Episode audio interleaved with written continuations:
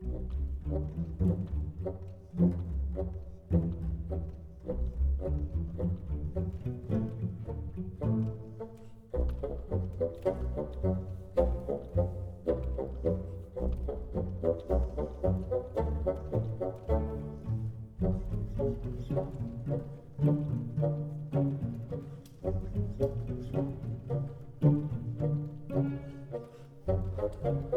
Velkommen til Huldra-podden, en podkast fra IP-trollet.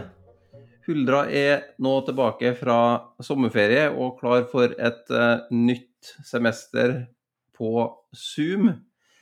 Mitt navn det er fortsatt Torge Kielland, uh, og med meg har jeg som de to første gangene uh, Morten Nadheim. Men vi har også to nye stemmer.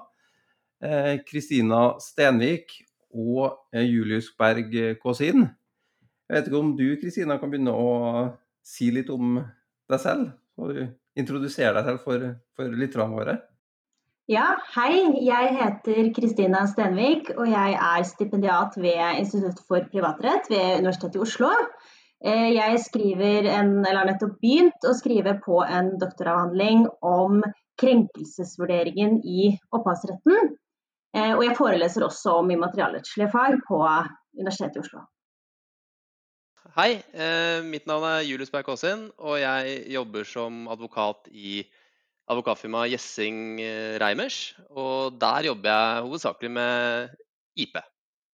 I dag skal vi snakke om de nylig vedtatte endringene i varemerkeloven og tolloven. Men først nyheter. News on the mark!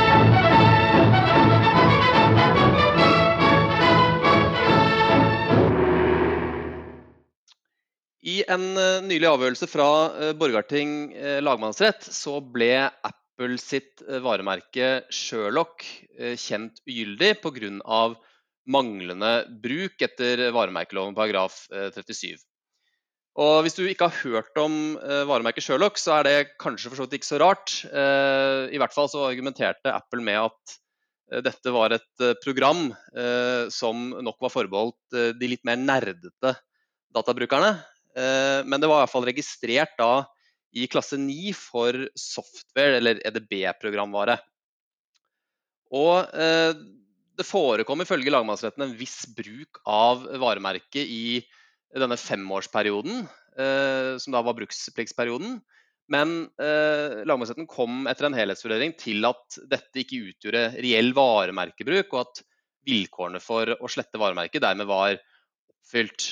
Eh, den nærmere bruken her den besto i at varemerket eh, var brukt på programmet som var lastet ned til diverse Apple-operativsystemer. Og så hadde det også figurert i bruktmarkedet for eh, Apple-maskiner. Men, men, dette var etter lagmannsrettens oppfatning ikke tilstrekkelig for å få kvalifisere til reell bruk fra Apples side, med henblikk på at skape eller bevare en avsetningsmulighet, sånn som kravet er utledet fra den såkalte minimaksavgjørelsen fra EU-domstolen. Takk for det, Julius. Eh, Borgarting har også avsagt avgjørelse i Salgar-saken. Denne saken den gjaldt gyldigheten av KFIRs vedtak om opphevelse av patent pga. manglende nyhet som følge av utprøving av oppfinnelsen.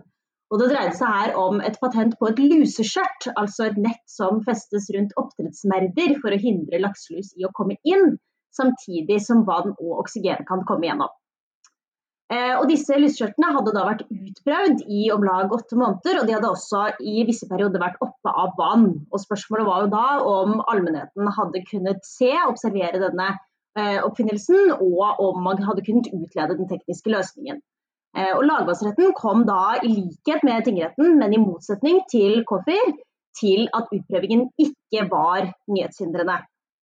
Eh, og retten mente at det var klart mest sannsynlig at en fagperson som befant seg i lovpålagt avstand fra den aktuelle utprøvingen, ikke ville kunne utlede alle trekk i patentets løsning, fordi man ikke kunne se hvordan maskestørrelsen på dette nettet var. Eh, og Basert på dette så kan man kanskje si at lagmannsretten synes å legge til grunn en mer praktisk og pragmatisk tilnærming, med fokus på om det var en reell risiko for at oppfinnelsen kunne observeres og utledes, Mens KFIR i sin avgjørelse syntes å basere seg på et litt strengere nyhetskrav og en mer teoretisk mulighet for at noen kunne utrede oppfinnelsen. Og Tradisjonelt så er jo nyhetskravet svært strengt, og det er i utgangspunktet tilstrekkelig at det finnes en teoretisk mulighet for at noen kunne gjøre seg kjent med oppfinnelsen. Og så syntes det også som at KFIR kanskje antydet at man hadde mulighet til å sitte og følge med på dette, dette luseskjørtet hele tiden, mens lagmannsretten forutsatt at dette var noe som måtte kunne observeres i en noe kortere tidsperiode. Høyesterett har også nå eh, satt punktum i den såkalte Rimfrost-saken ved at de forkasta Akers anke over Borgarting lagmannsretts avgjørelse, som konkluderte med at Aker ikke har fått overdratt rettigheter knytta til Rimfrost eh, patentrettigheter i forbindelse med kjøp av krilltråleren Juvel fra konkursboet til Emerald Fisheries.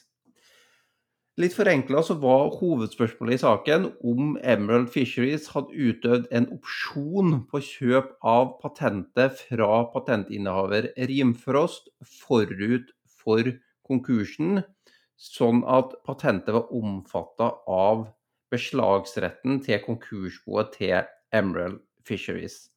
Dette hadde Emerald Fisheries etter lagmannsrettens syn ikke gjort, og patentet utgjør derfor ikke en del av driftstilbehørspantet som Aker Biomarine hadde kjøpt fra konkursboet. Og eh, avgjørelsen fra Høyesteretts ankeutvalg, som forkaster eh, Aker Biomarins anke, eh, innebærer jo da at eh, saken om Rimfrost patenter nå er rettskraftig avgjort. Eh, Borgarting har også avsagt dom i Monster-saken. Denne saken gjaldt spørsmål om varemerkeinngrep og brudd på markedsføringsloven. Saksøker Monster Energy anførte her at den konkurrerende energidrikkeprodusenten Manimal hadde krenket varemerkerettighetene til det registrerte varemerket Unleashed Beast i store bokstaver og flere lignende registrerte slagord. Manimal hadde på sine bokser teksten 'Unleashed Instinct Within You' i store bokstaver over produktnavnet. I tillegg så var det flere andre likheter mellom utseende og utforming av disse boksene, bl.a. i fargevalg med grønn og sort farge.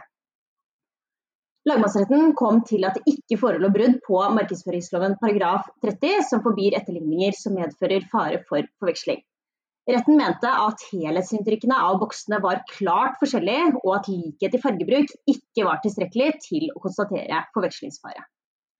Når det gjaldt bruken av slagordet 'Unleashed instinct within you', innebar dette heller ingen forvekslingsfare med Monsters varemerke 'Unleashed beast', og var dermed ikke i strid med varemerkeloven paragraf 4. Det ble bl.a. lagt vekt på at det felles elementet 'unleash' er et alminnelig engelsk ord og en kjent betegnelse på å slippe noe løs, som dermed har et svakere vern enn et rent fantasiord ville hatt. Oslo tingrett har også avsagt dom i saken mellom advokatfirmaet Rogstad og eh, VG, som angikk eh, VGs gjengivelse av bilder av eh, advokatene i advokatfirmaet i forbindelse med saker om eierforholdene i advokatfirmaet og størrelsen på tolkeregninga i den såkalte Lime-saken, som advokater i firmaet hadde innlevert eh, til Oslo tingrett. Og dette fant tingretten var et lovlig sitat etter eh, åndsverklovens paragraf 29. Og dette her begrunnes tilsynelatende i at eh, portrettbildene av eh, advokatene på VGs forside i seg selv var nødvendig for å få til en informert offentlig debatt. Dette er nok en begrunnelse som fremstår litt, eh, litt anstrengt. Det som er spesielt i saken her, det er at dette er en sak som jo burde vært en innertier for gjengivelse etter åndsverkloven paragraf 36, som gir rett til gjengivelse i forbindelse med dagshending. Problemet er bare det at fribruksbestemmelsen i paragraf 36 første ledd bare omfatter fotografiske bilder. Man har riktignok en tvangslisensbestemmelse om gjengivelse av fotografiske verk i paragraf 36 andre ledd. Og da bestemmelsen om eh, gjengivelse av fotografiske verk i forbindelse med dagssending ble gitt i 1995, så så man nok for seg at det så å si bare var ren fotografisk kunst som oppfylte eh, kravet til originalitet, og som da kvalifiserte som fotografiske verk, som man da måtte betale en lisens for etter andre ledd. Men EU-domstolens praksis knytta til kravet til originalitet har imidlertid endra det her, og i dag anses selv f.eks. For forholdsvis enkle portrettfotografier, sånn som eh, fotografiene av advokatene i advokatfirmaet Rogstad, som fotografiske verk. Og her burde nok lovgivere ha vurdert å endre fribruksbestemmelsene i paragraf 36 første ledd, slik at den også omfatta fotografiske verk. NKU har eh, også vært på jobb den siste tiden, og de har bl.a. Eh, avsagt en uttalelse i eh, saken som angår hashtaggen 'hun investerer' mellom Ski Invest og DNB. Og Spørsmålet i denne saken det var om DNB hadde opptrådt i strid med markedsføringsloven paragraf 30 eller paragraf 25 ved bruk av hashtaggen 'hun investerer'. Selskapene hadde tidligere diskutert et eh, samarbeid eh, rundt promotering av kvinner i næringslivet, eh, da i form av investorer og gründervirksomhet. Og hadde også da gjennomført enkelte aktiviteter sammen i den forbindelse, bl.a. diverse reiser til f.eks. Silicon Valley. Men etter en stund så brøt dette samarbeidet sammen, eller i hvert fall så ønsket ikke DNB et mer utvidet eh, samarbeid med Skiinvest. Og så startet samtidig da DNB i etterkant av dette eh, å benytte hashtaggen 'hun investerer', eh, som da er en direkte engelsk oversettelse av Skiinvest. Skiinvest de klaget denne bruken av hashtaggen 'hun investerer' inn for NKU med da påstand om brudd på disse bestemmelsene i, i markedsføringsloven. Og NKU de felte DNB for brudd på eh, paragraf 25 om eh, god forretningsskikk, men fant eh, at det ikke forelå noen etterligning etter paragraf 30. Og For de som er interessert i å lese mer om denne avgjørelsen, her, så har Kristine Juel Johnsen denne uken vi spiller inn, omtalt saken på iptroll.no. Og hun reiser bl.a. spørsmål om det er rom for å stille strengere krav til store virksomheter enn ellers ved den konkrete aktsomhetsvurderingen etter paragraf 25 når det gjelder eh, tidligere forhandlingsmotparter. Til slutt noen eh, nyheter fra kontinentet, som eh, Morten så pent eh, kaller det. EU-domstolen har truffet avgjørelse i sak mellom Massi og Messi. Fotballspilleren Leonel Messi bør vel være kjent for de fleste.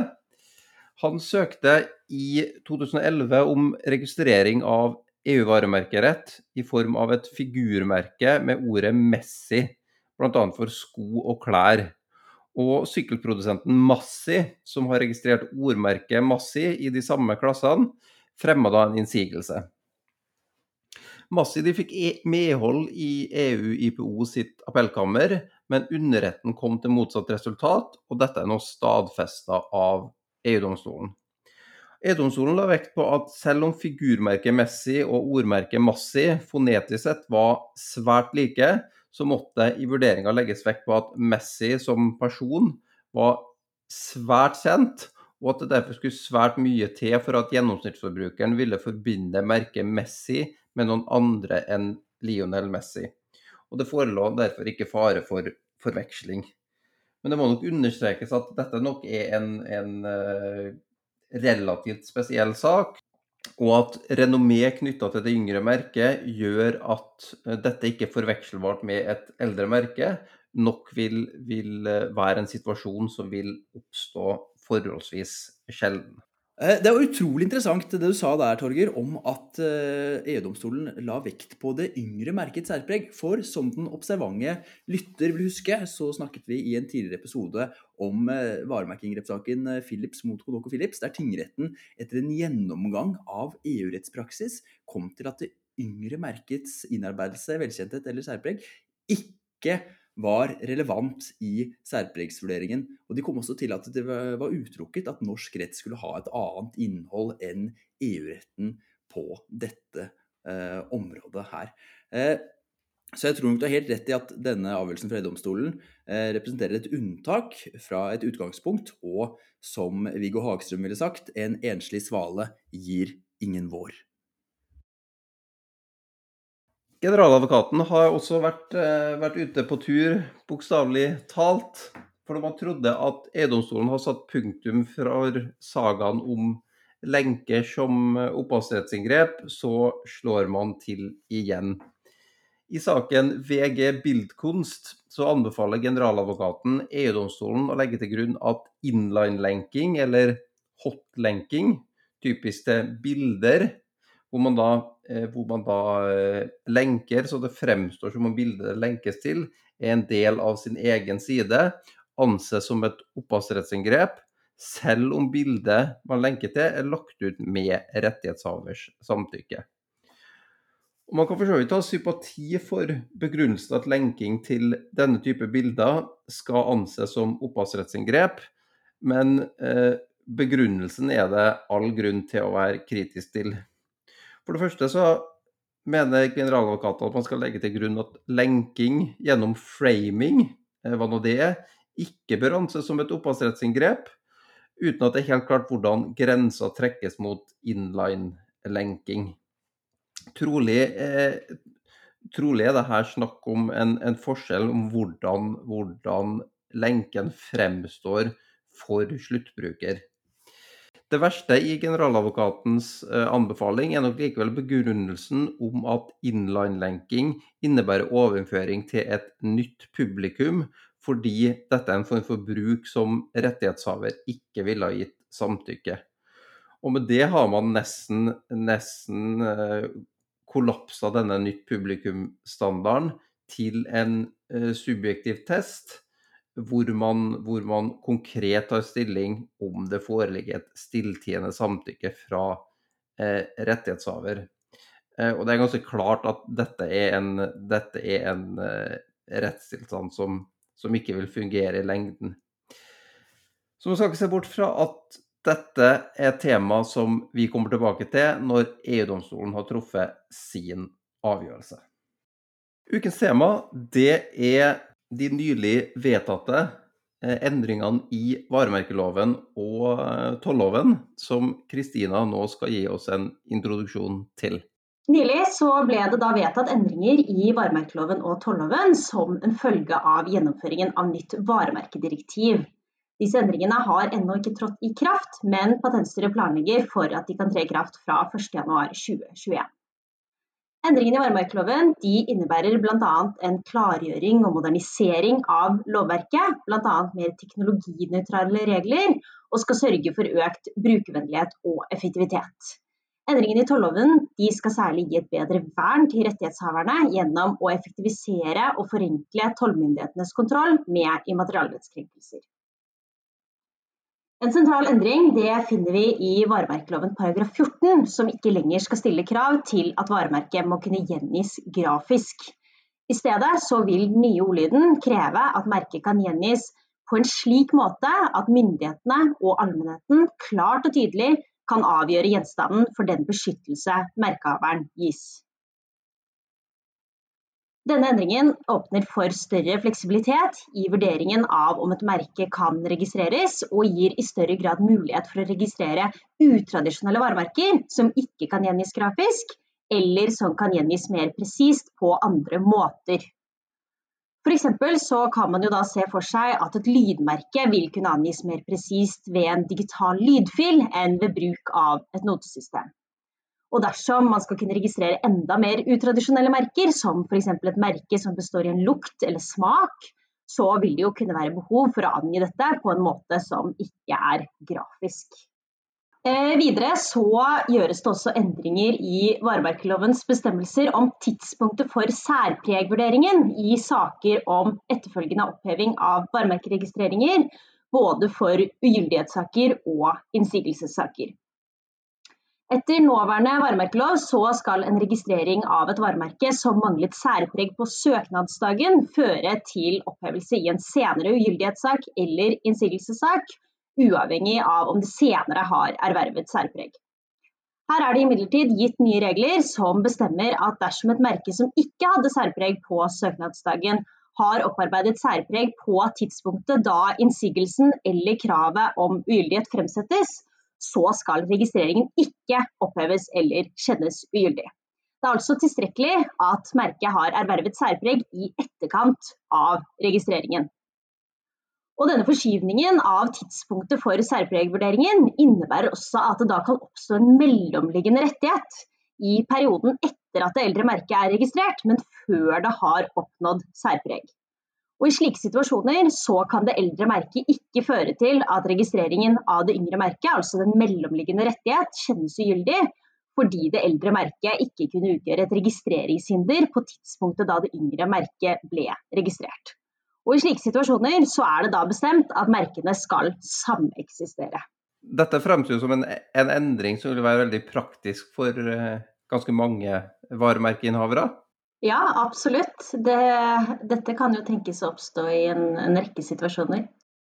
En annen nyvinning i, eh, i, den nye varemerkeloven, det er eh, utvidelsen av forbudet mot å registrere merker som utelukkende består av eh, en form eller nå en annen egenskap. Og Regelen her i dag etter varemerkeloven paragraf 2 annet ledd, det er at det ikke kan oppnås varemerkerett til tegn som utelukkende består av en form, som enten eh, følger av varens art, er nødvendig for å oppnå et eh, teknisk resultat, eller tilfører varen betydelig verdi. Og disse, denne, denne, bestemmelsen den kommer jo gjerne på spissen ved eh, forsøk på varemerkeregistrering av produkters form, emballasje osv. Og I denne nye eh, bestemmelsen så utvides da forbudet til å også gjelde tegn som utelukkende består av andre egenskaper ved varen, i tillegg til form. I denne nye bestemmelsen så utvides eh, forbudet i paragraf 2 eh, annet ledd til også å gjelde tegn som utelukkende består av andre egenskaper ved varen enn formen. Hva slags egenskaper kan dette være? da? Det vil jo f.eks. kunne være lyden eller lukten av en bestemt vare. F.eks. kan man se for seg motorlyd for en motorsykkel, som departementet nevner som eksempel i proposisjonen. Eller eh, røyklukt for sigaretter, f.eks. Og Det er vel ganske naturlig utvikling i lys av det Kristina sa om fremveksten av mer utradisjonelle varemerker under endring av eh, vilkåret for grafisk gjengivelse? Ja, jeg tenker at det er på en måte mm, to sider av samme sak. Altså man, man, åpner i større grad eh, for at teknologien som Morten var inne på, skal sette begrensninger for hva som kan varemerkeregistreres. Og da vil man på tilsvarende måte måtte speile det i, i, eh, i dette forbudet mot, uh, mot uh, registrering av tegn som uh, er helt nødvendig også for andre tilbydere av tilsvarende varer å, å benytte. Vil dette innebære at det ikke er mulig å registrere f.eks. lukt til en parfyme? Jeg tenker ikke nødvendig, nødvendigvis, for det vil jo avhenge av om eh, Det vil jo avhenge da om eh, Altså, den lukten eh, utelukkende består av en, en egenskap som, som, følger da eh, av varens art osv. Så, videre. så jeg tenker at eh, det er vel litt sånn hypotetisk eh, problemstilling kanskje nå, da, men, men, men jeg, jeg, tror at jeg, tror, jeg, vil ikke utelukke at, eh, at, man vil kunne registrere parfymer, nei, eh, med en nærmere sammensetning av luktnoter, f.eks. Eh, det tror jeg ikke. Det er også gjort endringer for å effektivisere håndhevingen av bruksplikten for registrerte varemerker. Bruksplikten innebærer jo som kjent at merker må tas i bruk innen fem år fra registrering, og at det deretter ikke må gå ut av bruk i fem sammenhengende år. Og Som et ledd i denne effektiviseringen så gis det bl.a. nye bestemmelser om prejudisiell prøving av bruksplikten i innsigelsessaker og inngrepssaker, som da gjør unntak fra utgangspunktet om at eldre varemerkeregistreringer legges til grunn som gyldige og virksomme. Disse reglene innebærer at dersom en innsigelse eller inngrepssak begrunnes med at det omtvistede merket er i strid med et eldre registrert varemerke eller foretaksnavn, så kan registreringshaveren anføre manglende oppfyllelse av bruksplikten for det eldre merkets vedkommende, og dette skal da prøves. Hvis innehaveren av det eldre merket ikke kan bevise at bruksplikten er oppfylt, så skal da registreringen ikke oppheves og kravet om ugyldighet ikke tas til følge pga. inngrep i retten til det eldre varemerket.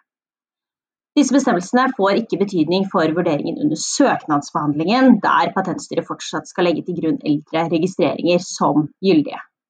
For vi har også fått uh, nye regler i, eller vi skal få nye regler i varemerkeloven og i panteloven, uh, der det åpnes opp for særskilt pantsettelse av registrerte varemerkerettigheter og av varemerkesøknader.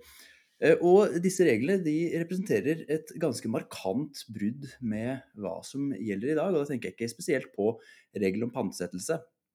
Også i dag kan man få Eh, kreditt med pantesikkerhet i varemerkerettigheter som en del av driftstilbørspantet. Eh, men det som vi også har fått i tillegg til eh, åpningen om særskilt pantsettelse, det er en kollisjonsregel.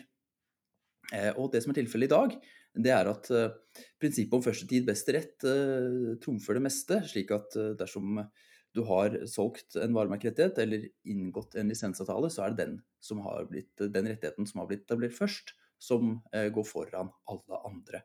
Og det er også antatt at man får rettsvern overfor kreditorer som konkursbo og utleggsmakthavere eh, allerede fra avtaleinngåelsen.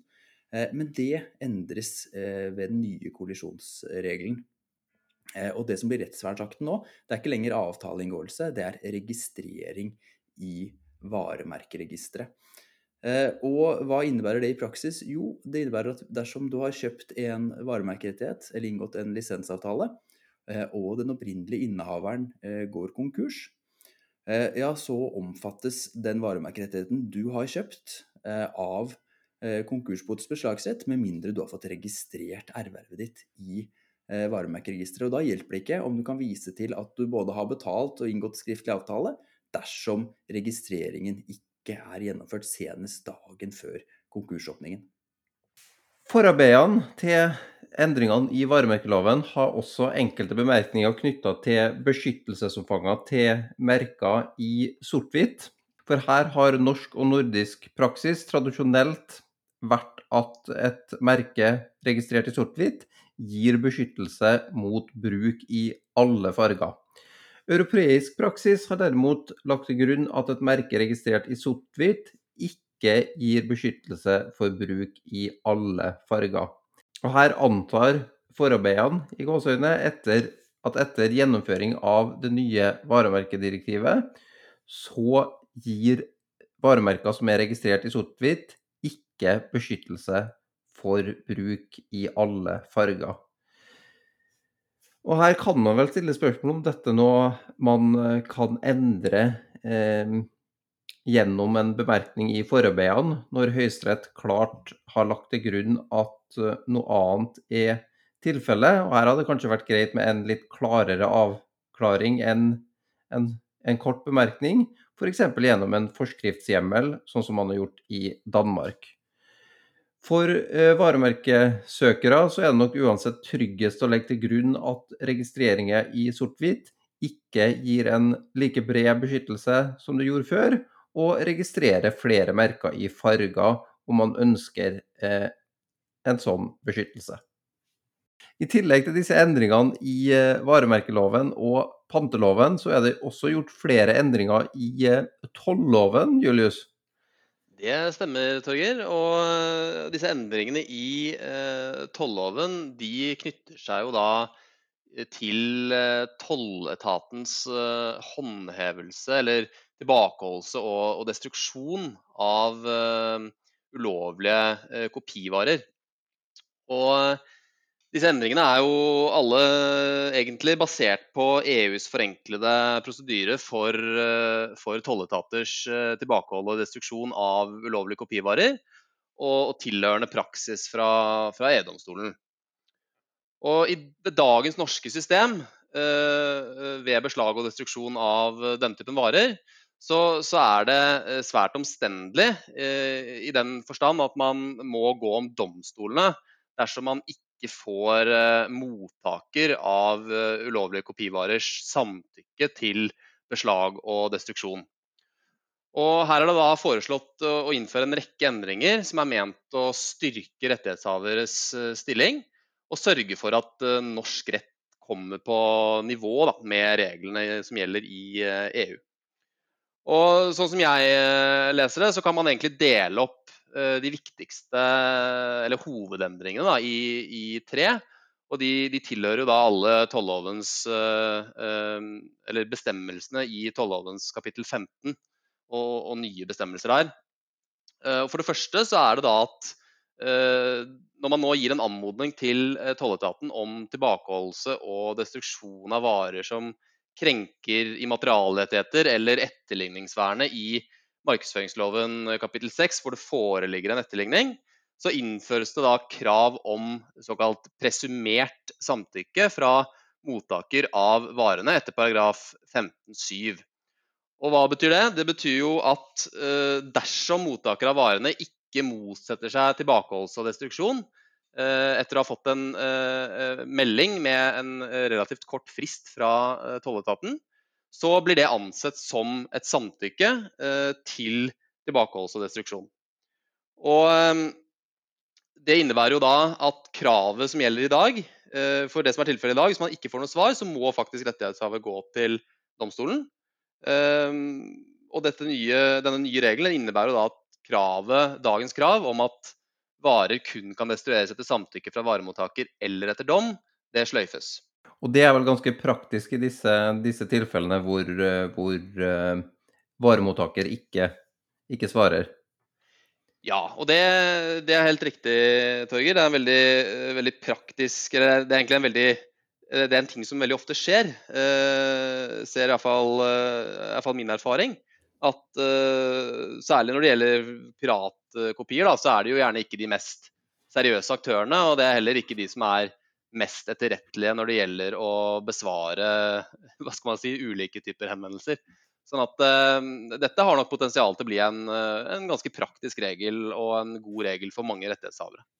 Den andre hovedendringen skjer egentlig i forlengelsen eh, av den første. Eh, og det er at det legges opp til en ordning med en ytterligere forenklet fremgangsmåte for ødeleggelse eller tilbakeholdelse og destruksjon av småforsendelser i ny paragraf 15-18 i, i tolloven. Og Forskjellen fra den første hovedendringen om presumert eh, samtykke etter 15-7 det er at rettighetshaver eh, ved eh, denne typen småforsendelser ikke behøver varsles og bekrefte at det foreligger et inngrep i det enkelte tilfellet. Det betyr at tolletaten eh, på eget initiativ kan, kan, gå fram. Så ny prosedyre for småforsendelser vil da være at tolletaten selv tar kontakt med Eller selv varsler varemottaker om at varen din er stoppet. Og hvis de da ikke får noe svar, så så eh, går det til destruksjon. Det er riktig. Den tredje hovedendringen det er at eh, tolletaten også skal kunne tilbakeholde eh, og eventuelt destruere varer selv om mottakeren er en privatperson, der hvor avsenderen opptrer i næringsvirksomhet. Og eh, Som kjent så gjelder det ikke noe forbud for privatpersoner eh, mot å kjøpe piratkopier eh, eller andre ulovlige kopivarer til privat eh, bruk. Eh, og Per i dag så har heller ikke tolletaten noen hjemmel for å beslaglegge og, og, destruere slike varer, selv om avsenderen av varene opptrer i eh, næringsvirksomhet. Og dette blir jo da uh, nå endret på, uh, etter modell fra den såkalte Rolex-avgjørelsen fra EU-domstolen. Og norsk lov blir altså da her brakt på nivå med EU-retten, hvor tollmyndighetene har hatt dette verktøyet i flere år. Så dersom du som privatperson fremover, da når denne loven trer i kraft, bestiller piratkopierte varer f.eks., så risikerer du i verste fall at dersom avsenderen Eh, opptrer i næringsvirksomhet, så vil varene bli stoppet, og du vil ikke få dem. Men du vil eh, som privatperson ikke bli straffet, annet enn at du da eventuelt ikke får den varen du har betalt for. da. Det, og dette fremstår jo i hvert fall som en, praktisk, en svært praktisk endring. fordi altså Én ting er jo at man tar med seg noen piratvarer i, i kofferten når man har vært i, vært i Syden, men langt mer praktisk er jo at man faktisk bestiller disse over nettet. Ja, altså øh, generelt, da, øh, egentlig for alle endringene, men kanskje særlig for denne Rolex-avgjørelsen, så, så, tenker jeg at det er absolutt utvikling i øh, riktig retning. Men eh, jeg setter likevel litt spørsmål ved om Eller ikke bare litt, jeg setter egentlig et stort spørsmål ved om de er egnet til å løse selve problemet, eller om de bare eh, demper konsekvensene. Eller eh, om de eh, på en måte er egnet til å løse selve sykdommen, piratkopiering og ulovlig kopivirksomhet, eller om de bare er egnet til å dempe symptomene av virksomheten.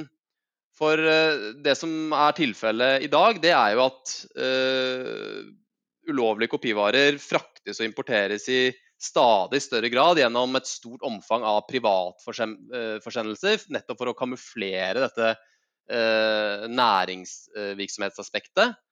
Eh, og dette henger jo sammen også med økt salg eh, over nett kontra fysiske utsalgssteder, som, som, var det vanlige, i hvert fall vanligere før.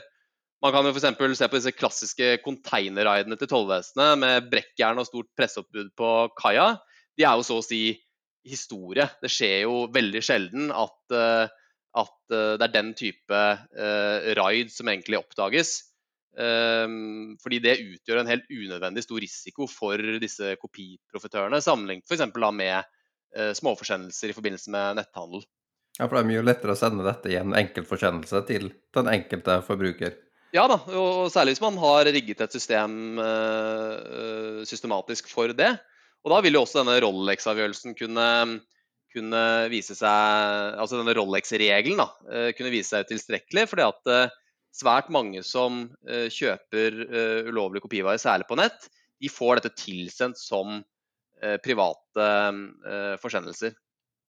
Det jeg tror, da, det er at hvis man skal få bukt med, med problemet, så må man eh, i større grad eh, ansvarliggjøre også forbrukerne som, eh, som kjøper ulovlige eh, kopivarer, sånn som mange andre land har gjort. Man må rett og slett ta fra det insentivet ved å kjøpe kopivarer, som vil være typisk at man kan kjøpe en, eh, en, eh, en dyr vare til en rimelig penge. Og, og det, altså det at man må ansvarliggjøre forbrukerne gjennom et uh, privat forbud, det er jo uh, særlig tilfellet der hvor, hvor, man har uh, bevisst handling med piratkopier. Altså det er helt åpenbart at det er piratkopier, og man, man, man, man gjør det mer eller mindre med overlegg. Og, og der hvor det er snakk om gjentatte tilfeller osv. Det er jo de tilfellene man liksom særlig burde ta sikte på å ramme med en sånn privat forbudsregel, tenker jeg da. Um, og Jeg ser ikke noen grunn til egentlig at, uh, at man ikke skulle kunne innføre den type, den type regel. Jeg, jeg, tror egentlig at forbrukerne er, er modne for, for, uh, å bli ansvarliggjort på den måten. Eh, og I hvert fall når man ser hvilke konsekvenser den ulovlige kopieringsindustrien har for vanskeligstilte i, i, verden, med hensyn til utnytting av flyktninger og barn osv., og, så videre, og finansiering av organisert kriminalitet og i verste fall, fall terror. Så, så, så, jeg tenker at når jeg hører at måte, man må verne om forbrukeren osv., så, så tenker jeg liksom at det er ikke noe verre å få en bot for å bevisst ha importert eh, en, en, en, dyr væske, en piratkopi av en dyr væske, helt bevisst, enn å, å, få en bot for å drikke på offentlig sted eller, eller glemme å blinke deg ut av en, av en rundkjøring. Da er det tid for denne episodens eh, fun fact, eller eh, artifakta, som våre kolleger i Takk og lov ville kalt det. Og Torger, hva har du gravd frem til oss i dag? Jo, eh, i vår så la et konsortium ledet av regimet i Saudi-Arabia inn et bud på fotballklubben Newcastle. Og ikke uventa så kom det litt, litt protester her. Annet Amnesty innvendte jo at, at uh, dette var et, et, regime som man ikke burde være bekjent av. Uh, av uh, skulle, skulle, eie fotballklubber i, i England, litt pga. hvordan de forholder seg til, til menneskerettigheter. Og det engelske fotballforbundet brukte ganske lang tid på å behandle saken om dette konsortiet fikk lov til å overta Newcastle, og til slutt så endte det med at man trakk budet. Men grunnen til at man brukte så lang tid på å, å behandle saken, var visstnok ikke bekymringer knytta til menneskerettigheter, men at det saudi-arabiske regimet sto bak eh, piratstrømming av fotballkamper fra Premier League. Så moralen er menneskerettigheter er viktig, men immaterialrettigheter er enda viktigere. Dette visste vi jo fra før, Torger. Det gjorde vi. Du har nå hørt på Huldra-podden, en podkast fra Immaterialrettsrådet, en blogg tilgjengelig på iptrollet.no. Hvis du liker det du har hørt, abonner på oss på Apple Podkast, Spotify eller Podbind, og gi oss gjerne en eh, anmeldelse. Helst fem stjerner, selvfølgelig. Vi mottar gjerne tips om temaer som vi kan ta opp i framtidige podkaster. Du når oss ved å sende oss en melding på Facebook på profilen vår IP-trollet, eller ved å sende en e-post til iptrollet at gmail.com. Ha det bra.